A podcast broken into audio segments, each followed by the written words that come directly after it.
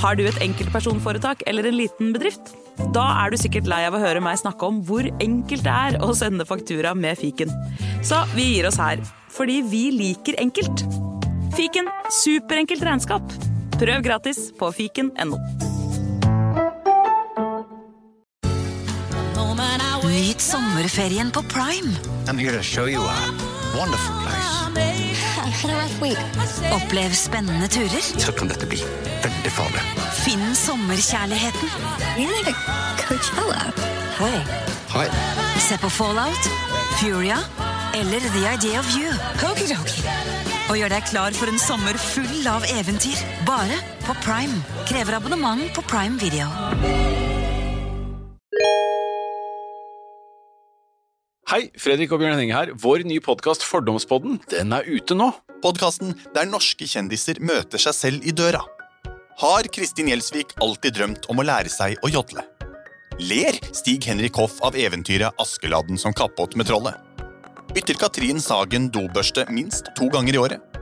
Og har Didrik Solli Tangen sunget My Heart Is Yours som nattasang for barna sine?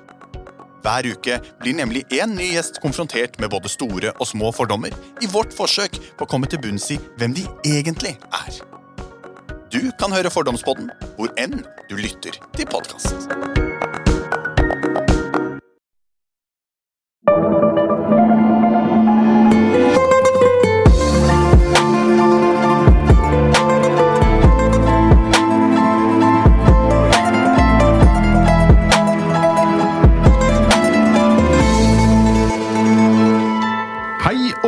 Velkommen til en splitter ny episode av Gangsterpodden.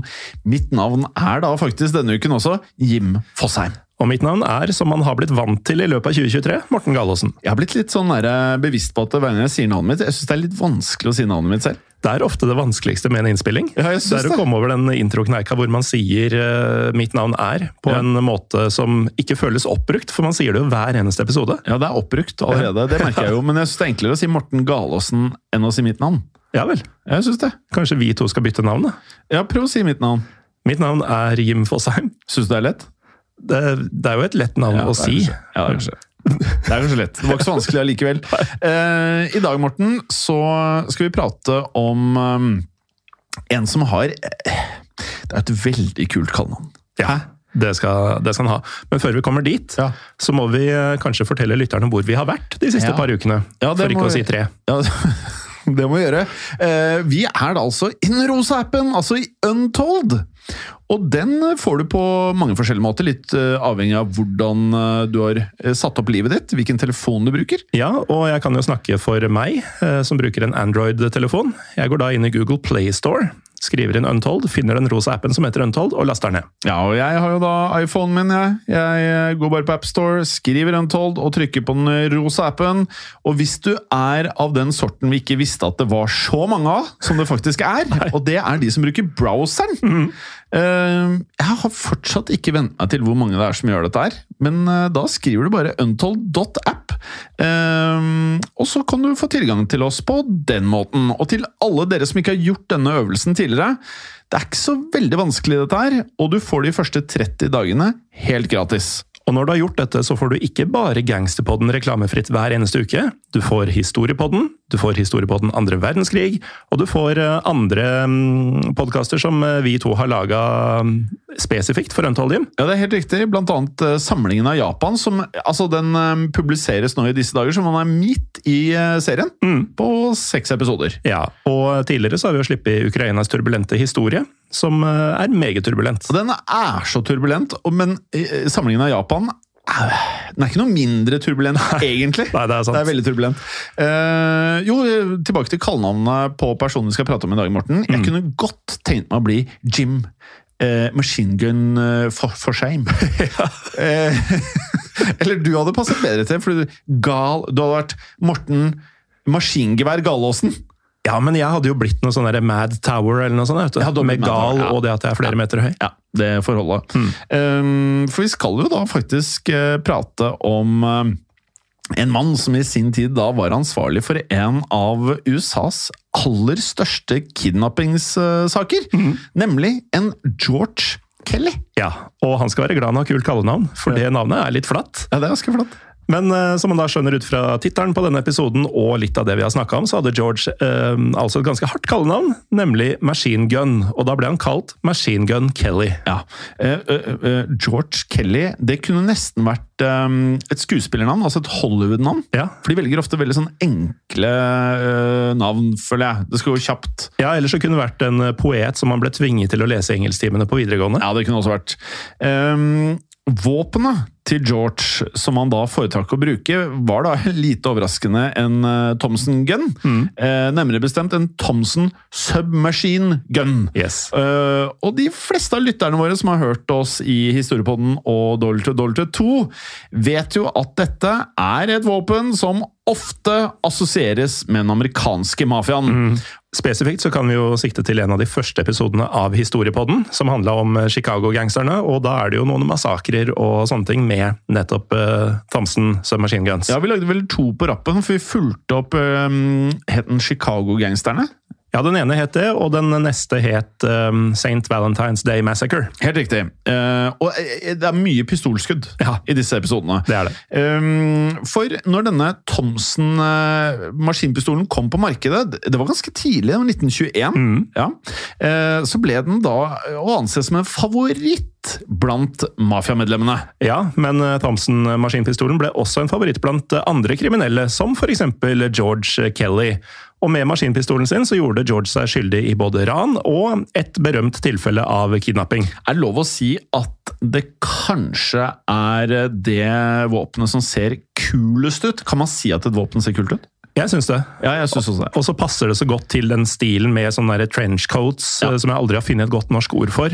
Nei. Og de flate hattene som uh, gangstere ofte brukte på den tida. Og så kan man da mm, huske på at eh, det er mange rappere som rapper om extensions, og det er da magasiner som er lengre enn de vanlige. Ja. Altså spesialbygde magasiner, sånn at du kan skyte mer av gangen. Ja, Så det er ikke hårforlenging. Nei, det er det ikke. Eh, eh, noen av rapperne kaller det stendos.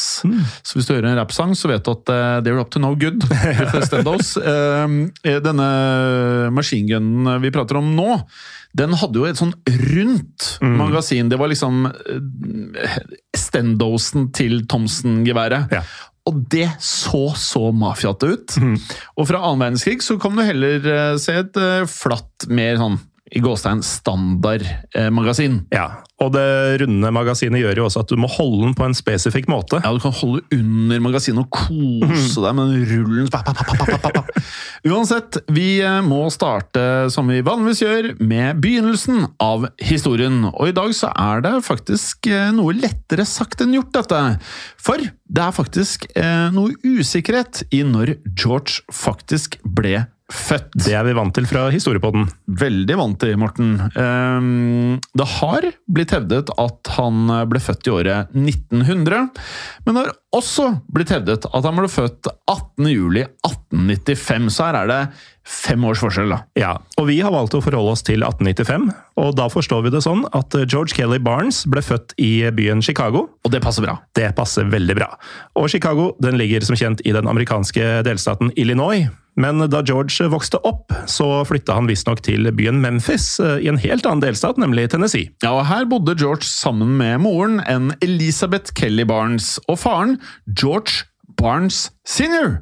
Og George senior han jobbet med å selge forsikringer. Det føler jeg er sånn klassisk eh, når man prater om USA på denne tiden. Ja, og noe som eh, er en slags sånn sti inn mot eh, litt eh, lyssky eh, folk. Ikke alltid, Morten. Nei, men det kan finnes- være. Ja, det finnes nok lyttere av podkasten som selger forsikringer som ikke er på vei inn i en lyssky eh, verden. Ja, det er, håper jeg. Og ifølge informasjonen vår da, så gikk George senior svært dårlig overens med George junior. Ja, nå overdriver du ikke, Jim. For da George junior fortsatt var i tenårene, så oppdaga han at George senior var utro mot moren hans Elisabeth. Og det hadde ikke jeg likt hvis jeg var George eh, junior heller. Nei, og det gjorde han ikke. Nei. Så um, han kunne jo da avslørt denne affæren eh, som faren hadde, men i stedet så skal George jr. ha utpressa faren sin, altså George senior. Det er høy rutine hvis du har lav moral. Ja, Du skjønner hvor han her er på veien? Ja, ja, ja. Og i bytte da mot at George jr. holdt tyst om affæren, så stilte han to krav, Morten, til George senior. George jr. han krevde både at han skulle få mer lommepenger, jeg syns jo det høres riktig ut, Ja. og han skulle også få lov til å bruke bilen til senior. Ja, Så vi må jo anta at han er gammel nok til å kjøre bil på dette tidspunktet? Ikke sikkert. Nei, det er jo ikke sikkert. Det er jo en fyr som presser ut faren sin. Men etter alt å dømme så funka denne utpressinga, og George senior gikk med på kravene til George junior. Så mens senior da fortsatte denne affæren sin, så fikk junior både tilgang til bil, og han fikk mer penger. Men det var kanskje ikke verdens undergang for George senior, for ifølge informasjonen vår eh, så skal familien Barnes ha vært nokså velstående. Ja, altså, jeg må jo si at eh, allerede her, vi har så vidt begynt, det lukter jo film. Gjør det ikke? Altså, eh, Bare med det vi har pratet om nå, hadde jeg vært en av disse eh, Hollywood-produsentene, jeg hadde tatt tak i det her med en gang. Og tenk deg det! Machine Gun Kelly! Du kunne kalt filmen Machine Gun Kelly! Ja, og du kunne hatt en ganske lang del om oppveksten hans, når han faktisk utpresser Ja. faren sin. Altså, Ja. Det er god historie i seg sjøl. Ja, eller du kunne lagd en TV-serie. Ja.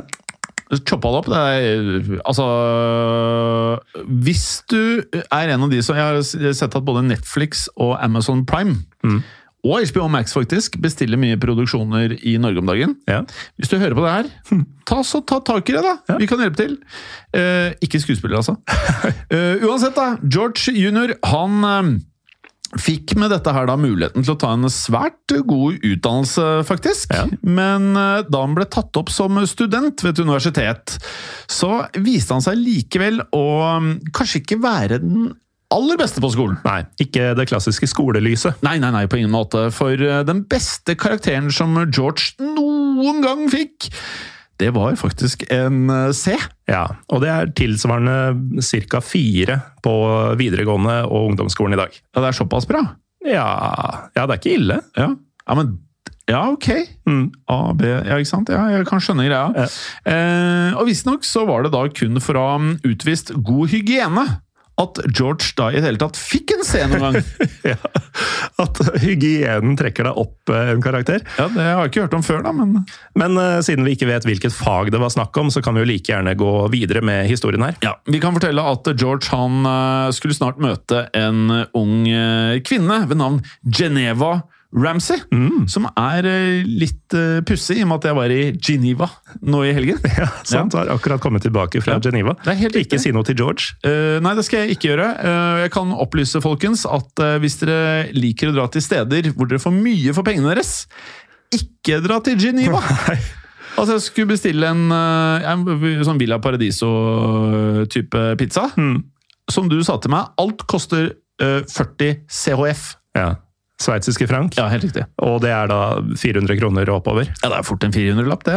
Litt avhengig av valutakursen. Ja. Og en, øh, en god kall en koster jo fort en 160-170, vel? ja, det, det var øh, knalldyrt. Så sånn er det å være turist i Norge. Ja. Når de klager Dette var eh, Nordmenn kan klage når de drar til Sveits. Ah, George han falt uh, pladask, han, for Geneva. Og det høres ikke ut som du gjorde det samme. Nei, eh, helt riktig, Morten. Altså, Vi prater da om uh, damen, ikke byen, som George uh, falt pladask for. Og i 1916 så droppet han ut av eh, universitetet for å gifte seg med Geneva. Og deretter så begynner George da å jobbe som cabedreive. Altså drosjesjåfør. Og i løpet av de neste ti årene så fikk han og Geneva barn eh, sammen, nemlig to sønner. Ja, Men eh, man skjønner jo at eh, George han skulle ikke ende opp som en gjennomsnittlig familiefar. Nei, han var vel, Det var ingenting så langt med denne fortellingen som skulle vitne om at det var dit vi var på vei. Nei, Og heller ikke når han er hovedperson i en episode av Gangsterpodden. Ja, Og blir kalt Machine Gun Kelly. For i 1926 så surna dette ekteskapet hans med Geneva. Heller ikke overraskende. Nei. For eh, hun følte at George tjente for lite penger til å forsørge familien deres, og for å gjøre det verre, så hadde George blitt både alkoholisert, dette er da i 1926 under forbudstida, godt gjort, og eh, tidvis voldelig. Så både Geneva damen og byen krever mye penger. Nettopp. Og eh, derfor så valgte jo da Geneva, damen, å skille seg fra George. Ja, men i kjølvannet av skilsmissen så begynte da George å se etter en ny måte å tjene penger på. Mm. Og da var det jo en eh, ting da som utpekte seg eh, helt spesielt, nemlig smugling av alkohol. Ja, Som vi var inne på, så sto jo den amerikanske avholdsbevegelsen så sterkt i USA at landet faktisk hadde innført det man kalte prohibition. Og det er jo en av de flotteste gangsterperiodene i amerikansk eh, historie, nemlig Prohibition Era. Ja, Det er litt for lett å romantisere det, faktisk. Ja, det er altså så det høres altså så vanvittig ut at det nest, hvis, vi, vi, vi har jo i historiebånden pratet om at dette er, eh, ønsker vi å ta en tidsmaskin tilbake i tid eh, eller ikke. Det hadde nesten vært litt Hvis man ikke kunne bli drept, da. Ja. Bare tatt tidsmaskinen tilbake og bare sett hvor vilt det var. Hvor mye festing det var, og hvordan Disse flotte klærne som de gikk med. Åh, ja, jeg tenker ja. Du tenker ja? Ja, Jeg tenker ja. Hva tenker du?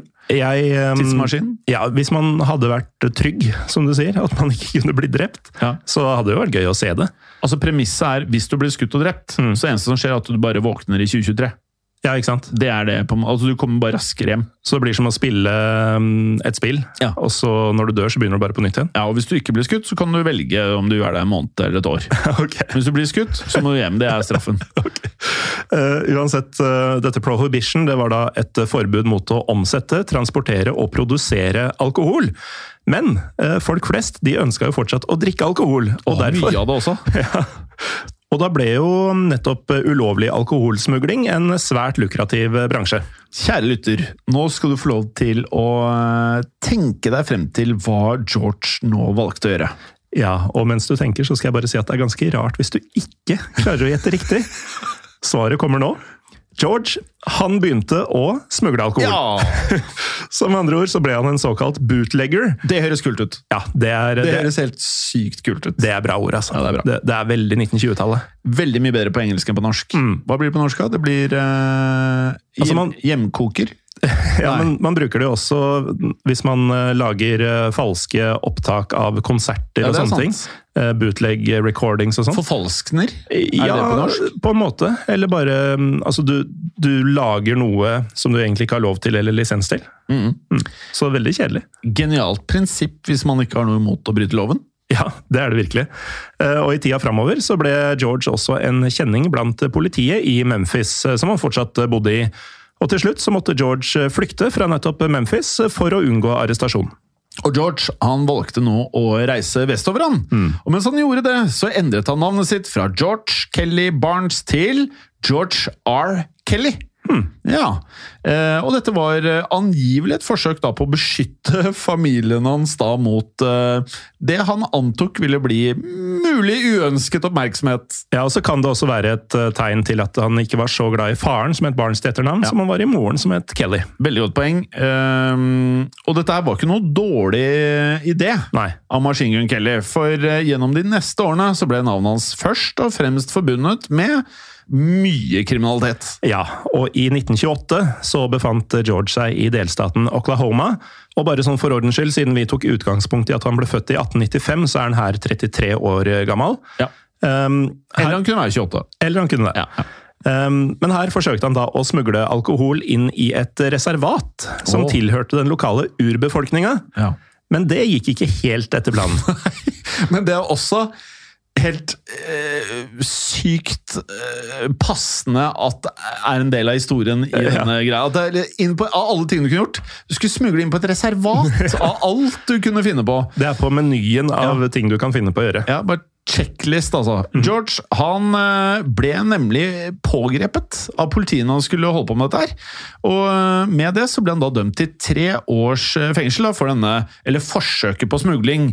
Men siden George da mm, angivelig han skulle oppføre seg så eksemplarisk i kasjotten at han ble løslatt før tiden, han. Ja, Så nå har han øh, vaska seg opp en karakter på universitetet Ja. og oppført seg eh, til kortere fengselsstraff. Ja, og når han da først kom ut, så var jo denne eksemplariske oppførselen noe han ikke følte for å fortsette med. Nei, det tok slutt. For da George kom ut av fengselet igjen, så møtte han en dame som eh, neppe hadde den beste innflytelsen på George. Han ble nemlig kjent med en kvinne som het Catherine Brooks. Og i 1930 så gifta George og Catherine seg, og med det så um, ble Catherine Brooks til Catherine Kelly. Tror han kalte henne for KK? Kanskje. Kanskje. Det får vi aldri svare på, eller vi vet ikke. Ifølge Catherine så var det én ting George manglet i livet sitt, nemlig Bare tenk dere det der. Du møter en du er glad i, som da hevder at det er én ting du mangler i livet ditt. Det kan være mye. Jeg har jo eh, tidligere prøvd å ha kjæreste over lengre perioder. Ja. Jeg har fått høre at jeg kan være flink til å rydde. Ja. Flink til å lage mat. Vaske, vise oppmerksomhet, planlegge ting, betale for middag, kino Masse forskjellige ting. Ja. Jeg har aldri hørt følgende fra en dame. At den ene tingen du mangler i livet ditt, er En maskinpistol! Men jeg skulle ønske en dame Jeg håper neste dame sier du trenger en maskinpistol. Jim, du er totalpakka. Du har alt jeg drømmer om, bortsett fra én ting. En fatal mangel! Du har ingen maskinpistol. Hvis en dame sier det til meg, da Kanskje det er da jeg skal gifte meg. Uansett, da. Så um, da George og Catherine giftet seg Hva tror du Catherine eh, kjøpte til eh, vår mann? Det lukter jo en Thompson submachine gun. Ja, det var akkurat det hun kjøpte. Hun kjøpte nemlig en Thompson Submachine Gun til uh, George. Men i likhet med oss, eh, føler jeg, Morten, så var ikke George sånn veldig interessert i våpen. Nei, ganske lite interessert, har vi forstått. Ja, det er akkurat det vi har forstått. Eh, og med det så oppfordret også Catherine han deretter til å begynne å øvelsesskyte. Noe George da angivelig gjorde svært hyppig på bygda. Ja, og deretter så begynte Catherine å kalle George for Machine Gun Kelly. Oh, det er der det kom fra, vet du. Så hun har jo satt himmel og jord i bevegelse for, for å kunne kalle mannen sin det. Hvis en ektefelle kan være dårlig innflytelse, så er vi inne på noe her, altså. Jeg tror det. For um, karrieren til George skulle nå ta en ny vending.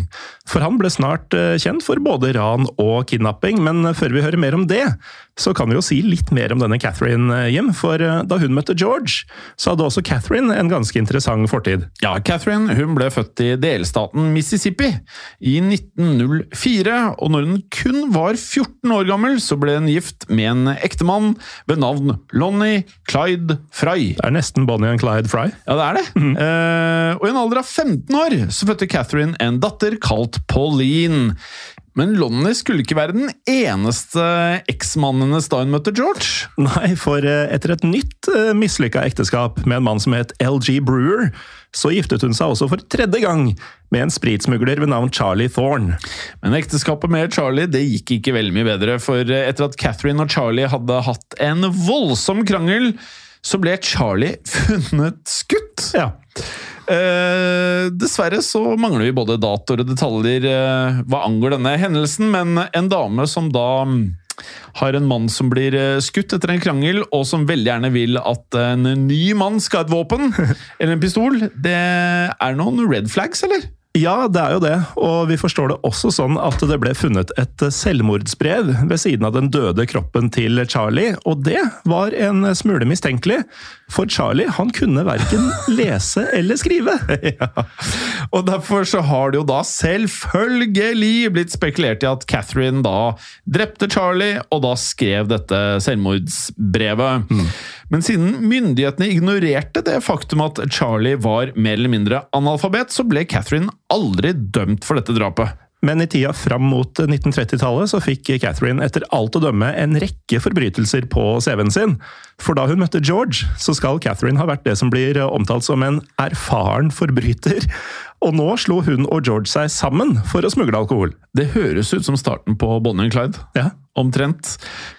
Og nå har vi jo pratet om at eh, Catherine er en eh, spesiell dame med spesielle interesser og behov. Mm. En annen ting som var litt spesielt, var at Catherine etter hvert brukte svært mye tid på å spre navnet til George innad i kriminelle miljøer. ja. Framsnakking i underverden. ja. Altså, tenk å gifte deg i det her, da. Det er ikke optimalt for alle. Det er for noen, kanskje. Og slik eh, bidro eh, Catherine til at George ble en stadig mer kjent eh, forbryter. Og i 1932 så eh, skal vi ikke se bort ifra at eh, Catherine kan på en eller annen måte da ha oppmuntret George til å utføre sin første kidnapping. Ja, Ikke den siste. Nei, på ingen måte, for ifølge FBI-direktøren, altså selveste J. Edgar Hoover, så sto George bak denne kidnappingen, som var da av en velstående forretningsmann i løpet av 1932.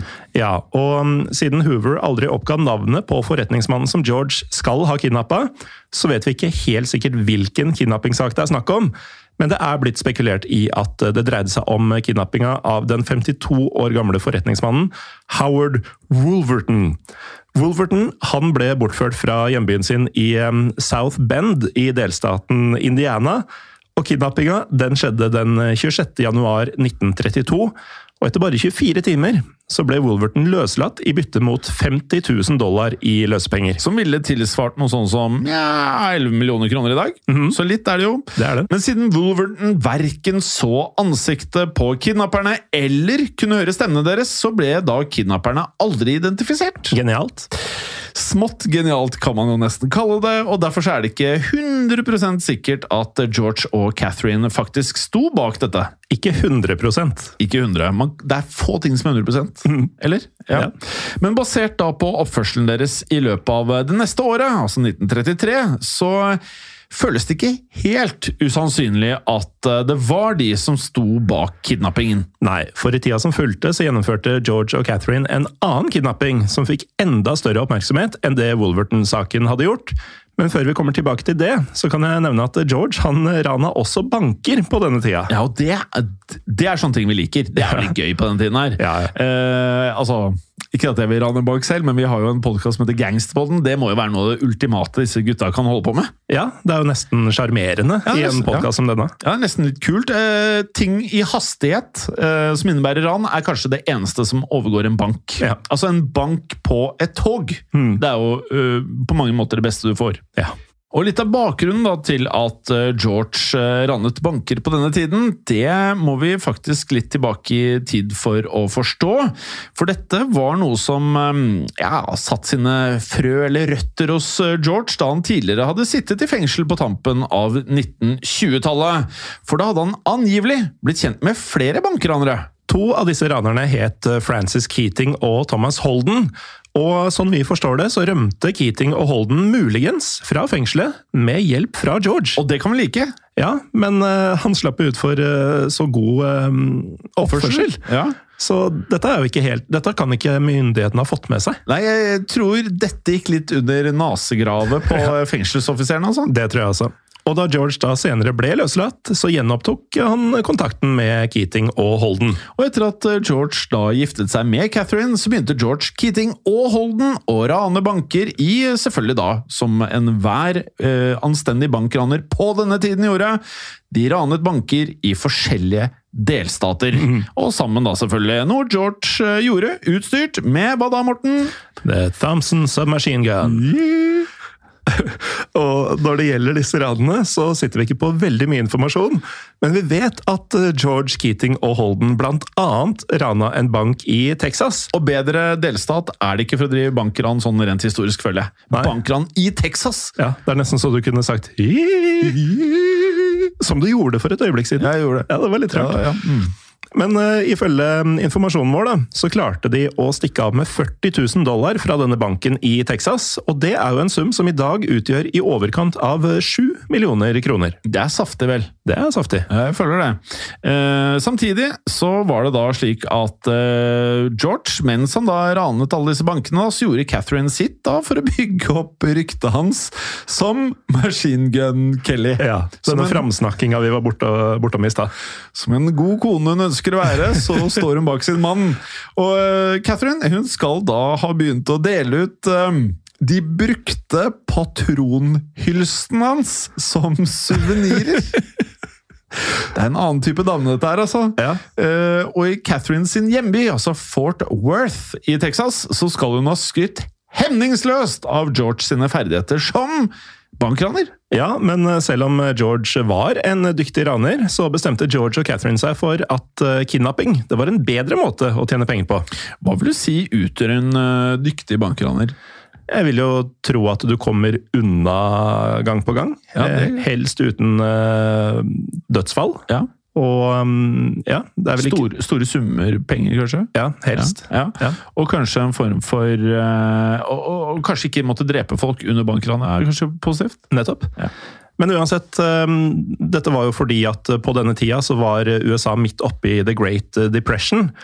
Og det var jo som kjent en global finanskrise som ble utløst i 1929. Og i USA så gjorde denne krisa at folk flest ble mye fattigere. Ja, det var en eh, hard periode dette her, og med det så ble det jo da satt inn mindre penger i bankene. Ja, for vi sa jo at disse 40 000 dollarene, som da er 7 millioner kroner, var saftig. Men man skulle jo tro at en bank hadde mer penger enn det. Ja, man skulle jo tro det, men det var eh, både færre mennesker, det var og eh, For pengene så fikk du jo vesentlig mer enn du får i dag. Så én ting er at vi inflasjonsjusterer beløpene, en annen ting er hva du faktisk får for pengene på den tiden. Det er sant. Og for George, som da drev med bankraning, da, og det ble mindre penger i bankene, så ble det jo mindre penger å tjene på bankran. Nettopp. Ja, Så han ble truffet av The Great Depression. Det er de færreste som tenker på hvor synd det var på bankranerne i, Ja. i denne nedgangstida. I uh, Sopranos så uh, sier jo Jeg tror det er Paulie som sier det. Uh, det er én business som aldri blir truffet av dårlige tider. It's the business of ours. Uansett da, så var det slik at eh, denne The Great Depression det gjorde at eh, George sitt yrke ikke var like ja, attraktivt lenger. Ja.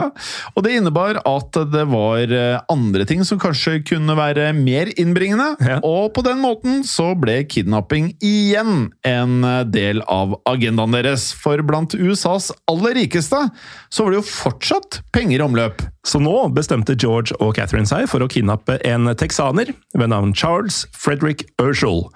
Og Urshall han var en såkalt oil tycoon. Å være oil tycoon på denne tiden, det er som å være Silicon Valley-gründer eh, i 2023. det. Ja, det er noe sånt. Han hadde da tjent en stor formue i oljebransjen, og Urshall han bodde i Oklahoma City i delstaten Oklahoma.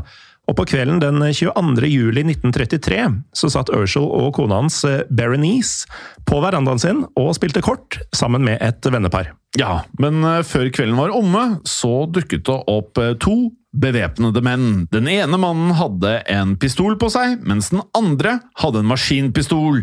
Vi vet dessverre ikke hvem mannen med pistolen var, men mannen med maskinpistolen, det var Machine Gun Kelly. Det var det, og sammen med den bevæpna kompisen sin så gikk George nå opp på verandaen, og han retta maskinpistolen sin mot de to mennene som satt og spilte kort der. Og så spurte han hvem av de to mennene som var Charles Urshall. Men til George sin store irritasjon så kom det ikke noe svar fra mennene. Og med det så skrek George ut følgende Then we'll take them both! Så da ble både Charles Urshall og vennen hans Walter R. Jarrett kidnappa foran øynene på de vettskremte konene sine. Og Charles Urshall og Walter Jarrett de ble deretter trua inn i en ventende bil. Og da det var gjort, så kjørte George og den andre kidnapperen av gårde, og så fort de forsvant, så ringte Berenice Urshall til FBIs forløper, The Bureau of Investigation, også kjent som BOI. Men hun ringte ikke til hvem som helst i BOI. Bernice skal nemlig ha tatt direkte kontakt med BOI-sjefen, J. Edgar Hoover. Og I løpet av kort tid så hadde Hoover sendt flere av spesialagentene sine av gårde til Oklahoma City. Men før saken ble avsluttet, så hadde The Bureau of Investigation da skiftet navn til The Federal Bureau of Investigation, bedre kjent som FBI. Ja, så Derfor så regnes Urshall-kidnappinga faktisk som en av de aller første store etterforskningene i FBI sin historie. Åh, sånne ting er så gøy. Når man lærer om disse tingene, det Ja. må jeg si er liksom da jeg får sånn her aha-øyeblikk.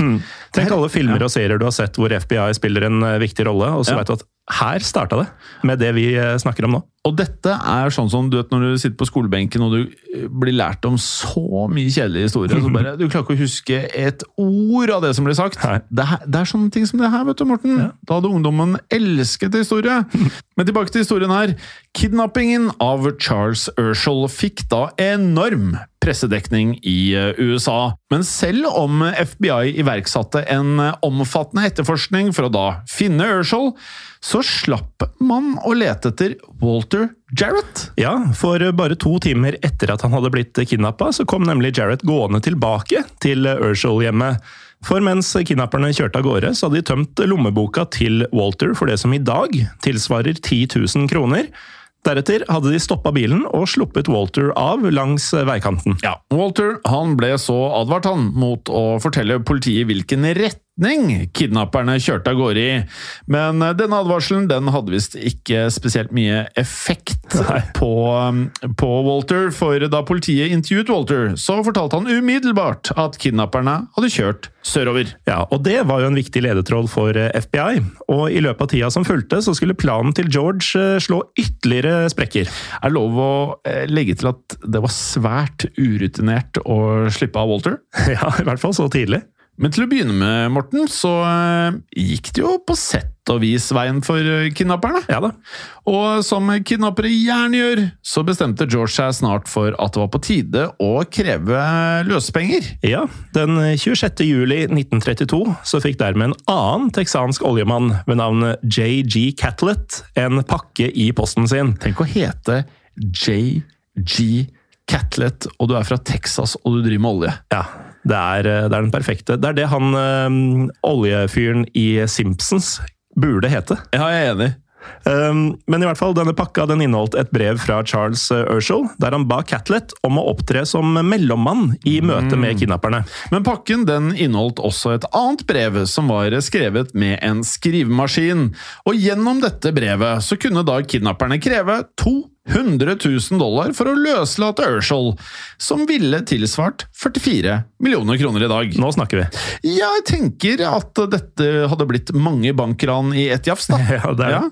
Eh, Og dersom disse pengene ikke ble overlevert, så truet nå kidnapperne i blokkbokstaver med å drepe Charles Urshall. Ja, og her er et utdrag fra disse blokkbokstavene. Remember this. If any trickery is attempted, you will find the remains of Urshel, and instead of joy, there will be double grief. Altså på norsk, husk dette.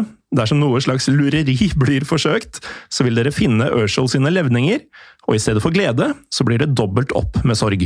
Og gjennom eh, det samme brevet så ga kidnapperne også instrukser for hvordan løsepengene skulle overleveres, og det er jo lurt. Det er lurt. Og da fikk JG Catlett beskjed om å reise til Kansas City i delstaten Missouri. Og dette skulle da skje 29. juli 1933. Og for George, Catherine og de andre kidnapperne så gikk dette helt etter planen. Catlett han skaffa nemlig alle løsepengene, og så reiste han til Kansas City, og der ble løsepengene overlevert til en ukjent mann. Tenk deg det å bare Ja, nå skal jeg samle 44 millioner kroner. Det, det er ganske du, Det er jo ikke bare på en bankkonto. Nei. Så må du sikkert likvidere en del ting. Ja, og det er jo kontanter på denne Ja, ja. tida, ikke sant? så Ja, det er jo flere kofferter sikkert. dollars. Så du går og drasser på det, og overleverer dem til en fyr som du ikke nødvendigvis veit om er rette vedkommende heller. Nei, og denne mannen han ga deretter Catlett beskjed om at Charles Urshall nå ville bli løslatt som avtalt. Så 31. juli så dukket Urshall opp utenfor hjemmet sitt igjen. Og Urshel skal ha vært rimelig preget etter å da ha tilbrakt hele ni dager i fangenskap. Ja, og siden Urshel hadde fått lite søvn gjennom disse ni dagene, så tok det en liten stund før han klarte å hente seg inn igjen. Men da han kom til hektene, så ble han intervjua av FBI sine etterforskere, og nå viste det seg at Urshel han var en eh, usedvanlig oppegående type. Ja. Hadde sikkert tjent de pengene av en grunn. Ja, For selv om Ørsal hadde fått bind for øynene etter at han ble kidnappa, så hadde han brukt de andre sansene sine til det fulle. Og dette høres ut som en god thriller. Ja, dette høres ut som uh, Taken-filmene. Ja, enig. Først beskrev Ørsal hvordan bilen han ble bortført i, hadde passert to oljefelter ca. 30 minutter etter kidnappingen. Og da lurer man jo på hvordan han skjønte det, siden han hadde bind for øynene. Ja, det er jo naturlig å spørre seg, men Urshall, han kunne han kunne sniffe seg frem til at det var olje, og i tillegg til at han da hørte lyden av eh, det som skulle ha vært da oljeboring, altså drilling i marken. Ja, Så han eh, drar nytte av eh, erfaringene sine som oil tycoon. Helt riktig, Morten. Ja, for disse luktene Han var, han var ikke sniffet mye olje opp gjennom eh, årene, og lydene de var jo som ekkoer i ørene hans. vet du. Ja, Men det var ikke bare dette som Urshall hadde fått med seg. Han beskrev også hvordan bilen til kidnapperne passerte gjennom to forskjellige porter. Ja. Og disse portene de hadde ligget ca. tre minutter fra hverandre. Og hver gang bilen stoppa foran en port, så hadde en av kidnapperne gått ut for å åpne porten. Hadde jeg vært disse kidnapperne, så hadde jeg kanskje tenkt at det skjedde såpass mye som kunne eh, i hvert fall gitt for mye informasjon i ettertid, men det er jo de samme personene som slipper denne Walter etter kort tid også, da. Ja, Men når man ser mye spionserier og spionfilmer og thrillere, så tenker man ofte at er det ikke litt mye med Ja. hvor mange forholdsregler de tar når de skal frakte noen? Nå skjønner man hvorfor de gjør det. Man gjør det, og som vi sier i alle podkastene våre, Morten, virkeligheten er ofte veldig mye villere enn fiksjon. Ja. Uh, og da port nummer to var passert, så hadde kidnapperne da kjørt bilen inn i en garasje. Og her hørte Urshall hvordan en av kidnapperne begynte å småprate med en kvinne. Ja, Og ut fra samtalen og de andre lydene som han hørte, så innså Urshall at han nå befant seg på en bensinstasjon. Det stemmer, og før bilen som frakta Urshall da kjørte av gårde igjen, så hørte han at en av kidnapperne spurte denne kvinnen om hvordan det sto til på de lokale maisåkrene, noe som fikk følgende svar fra kvinnen. Maisavlingene her er brent opp, men vi produserer fortsatt hisje. Og denne mais- og hisjepraten, det var en viktig ledetråd for FBI. Morten, vet du hva hisje er? Jeg håper du kan fortelle oss. Ja, det kan jeg fortelle. Hisje det er en slags eh, kornsort som eh, da angivelig tåler høye temperaturer. Eh, Og med det så kunne da etterforskerne nå lete etter steder med brente maisåkre og hisjeavlinger. Og dermed så begynte FBI å snevre inn leteområdet sitt. Men heldigvis for FBI så var Urshel langt fra ferdig med å gi beskrivelser og detaljer. For gjennom de ni dagene han ble holdt fanga, så hadde han virkelig spissa ørene sine. Ja, han hadde jo spist nese òg. Ja da, Han hadde spist det meste, holdt jeg på å si. Han luktet og hørte godt. Ja da. Og nå beskrev han alt av lyder som han hadde hørt, Ja. og da kunne han blant annet fortelle hvordan han hver morgen og ettermiddag hadde hørt lyden av to fly som passerte over huset som han satt fanga i. Og Ifølge Urshall så hadde disse flyene passert ca. klokken 09.45 og klokken 17.45. Og det er jo ekstra godt gjort med tanke på at han eh, antagelig ikke hadde klokke. Ja, jeg- akkurat det, det her har jeg stusset litt på, men eh, det var nå en gang det han sa. Ja. Og siden eh, datidens flytrafikk ikke var like omfattende som i dag, så kunne FBI da snevre inn leteområdet sitt ytterligere. Og til slutt så innså etterforskerne at det var to flyruter i Texas som utpekte seg. For mellom de to byene Fort Worth og Amarillo i Texas, så var det to fly som gikk på daglig basis. Og siden begge disse flyene gikk over den texanske småbyen Paradise, rundt de samme tidspunktene som Urshall hadde beskrevet, så fikk etterforskerne for alvor øynene opp for nettopp eh, Paradise. Men det var også en annen ting som gjorde at Paradise eh, utmerket seg her.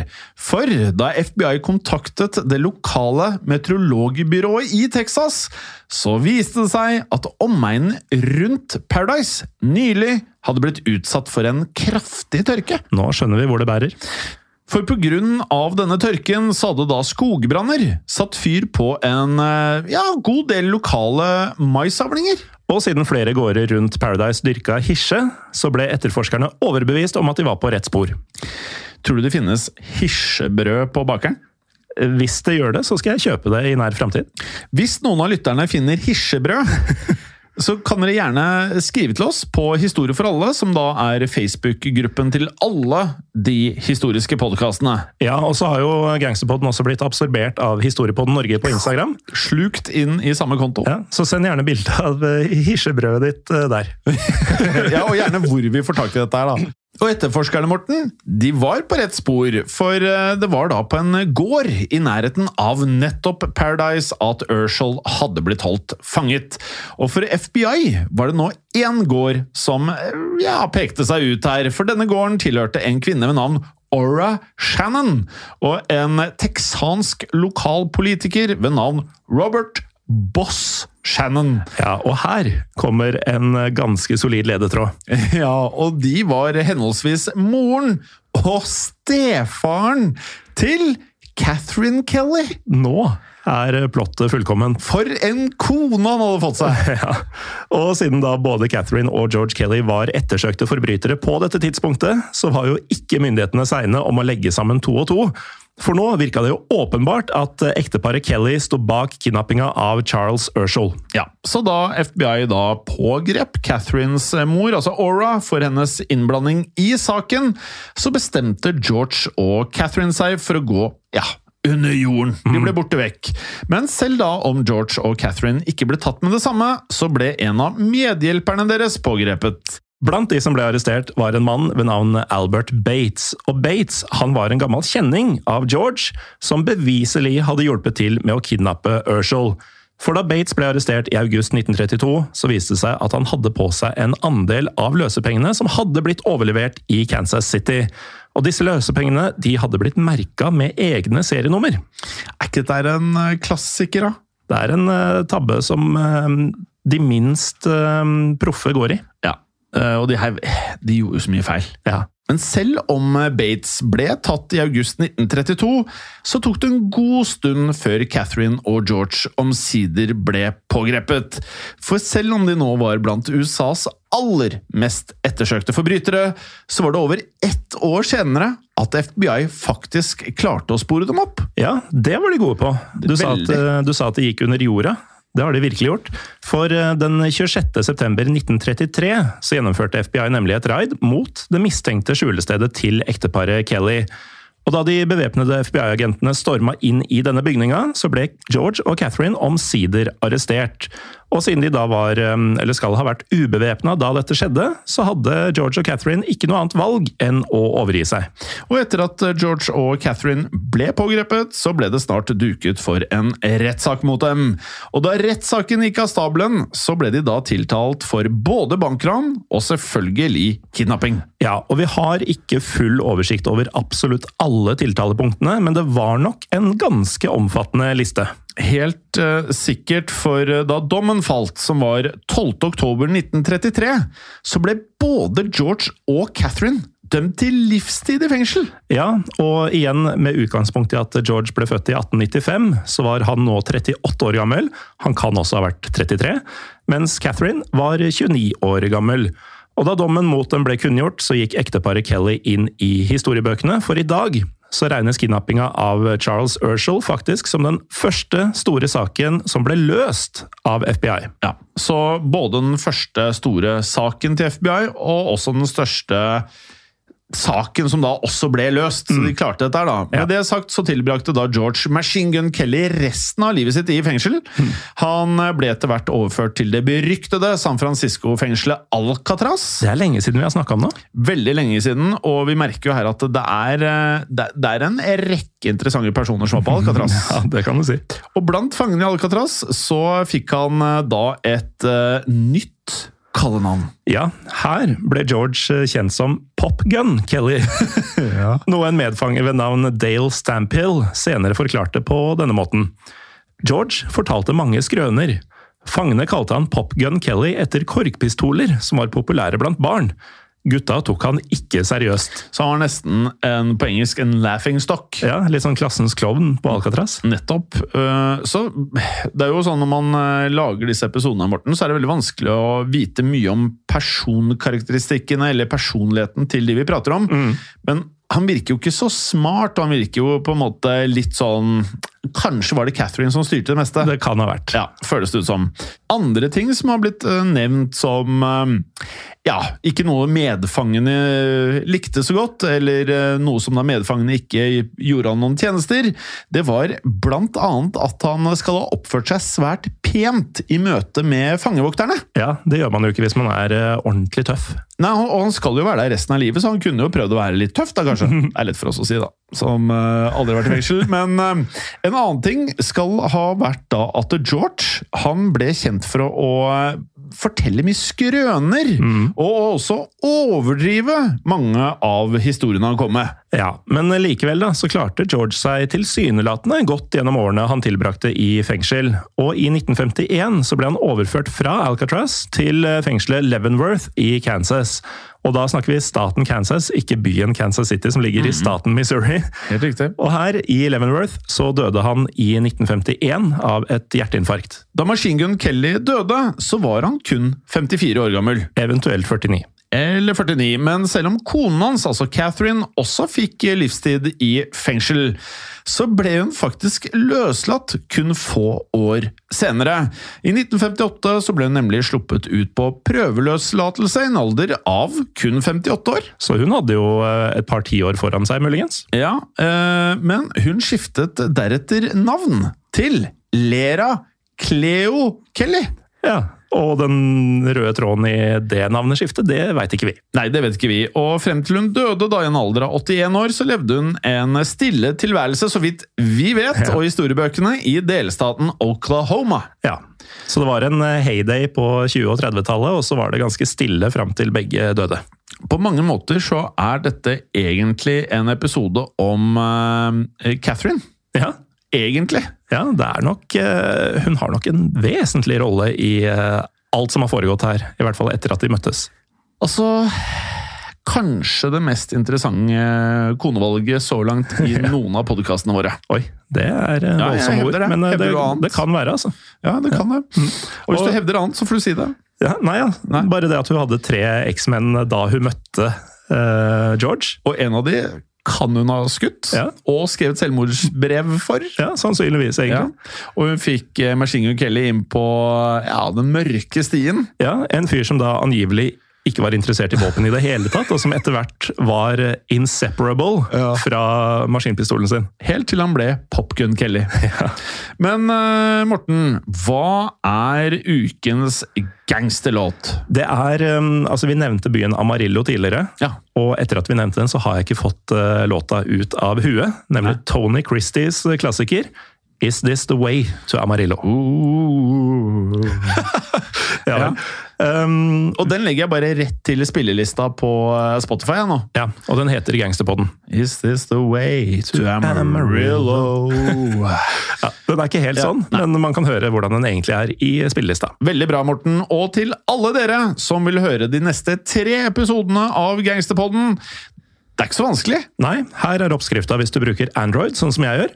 Du går inn på Google Play Store, søker på Untold, laster ned den rosa appen som heter Untold. Ja, og er du Apple-bruker, så går du inn på AppStore, gjør egentlig det samme. Du skriver Untold, og så trykker du på den rosa appen og laster ned. Og vil du ikke bruke noen av disse storene, så går du inn på nettleseren, skriver untold.app i um, URL-feltet, og så kan du få den der. Ja, og er du en av de som ikke har gjort denne øvelsen tidligere, så får du da første måneden helt gratis. Og det er så mye podkast til deg! Åh, det er så mye. Mm. Og er du som Urshall, med god luktesans og høresans, så kan du sniffe og høre deg frem til mang en god podkast. Og med det, Morten, du skal ikke sove med fiskene! Men hold deg gangster. Ja, ha det bra. Ha det.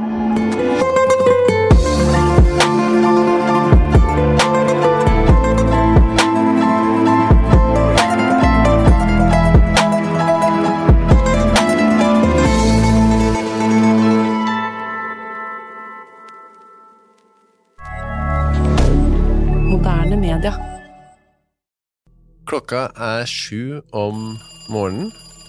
Tirsdag den 9. april 1940. Det er en telefon som ringer. Det er hjemme hos banksjef Andreas Lund på Lillehammer. Andreas Lund tar telefonen. Og den som ringer, er sjefen hans. Det er sentralbanksjef i Norge, Nikolai Rygg. Rygg forteller Andreas Lund at Norge er i ferd med å bli invadert av tyskerne. Nå gjelder det å få reddet Norges gullreserve. Så lett skulle det ikke bli. Gulltransporten. Den utrolige historien om hvordan Norge så vidt klarte å redde Norges gull unna tyskernes klør. Gulltransporten er en miniserie som tidligere har blitt publisert i Untold.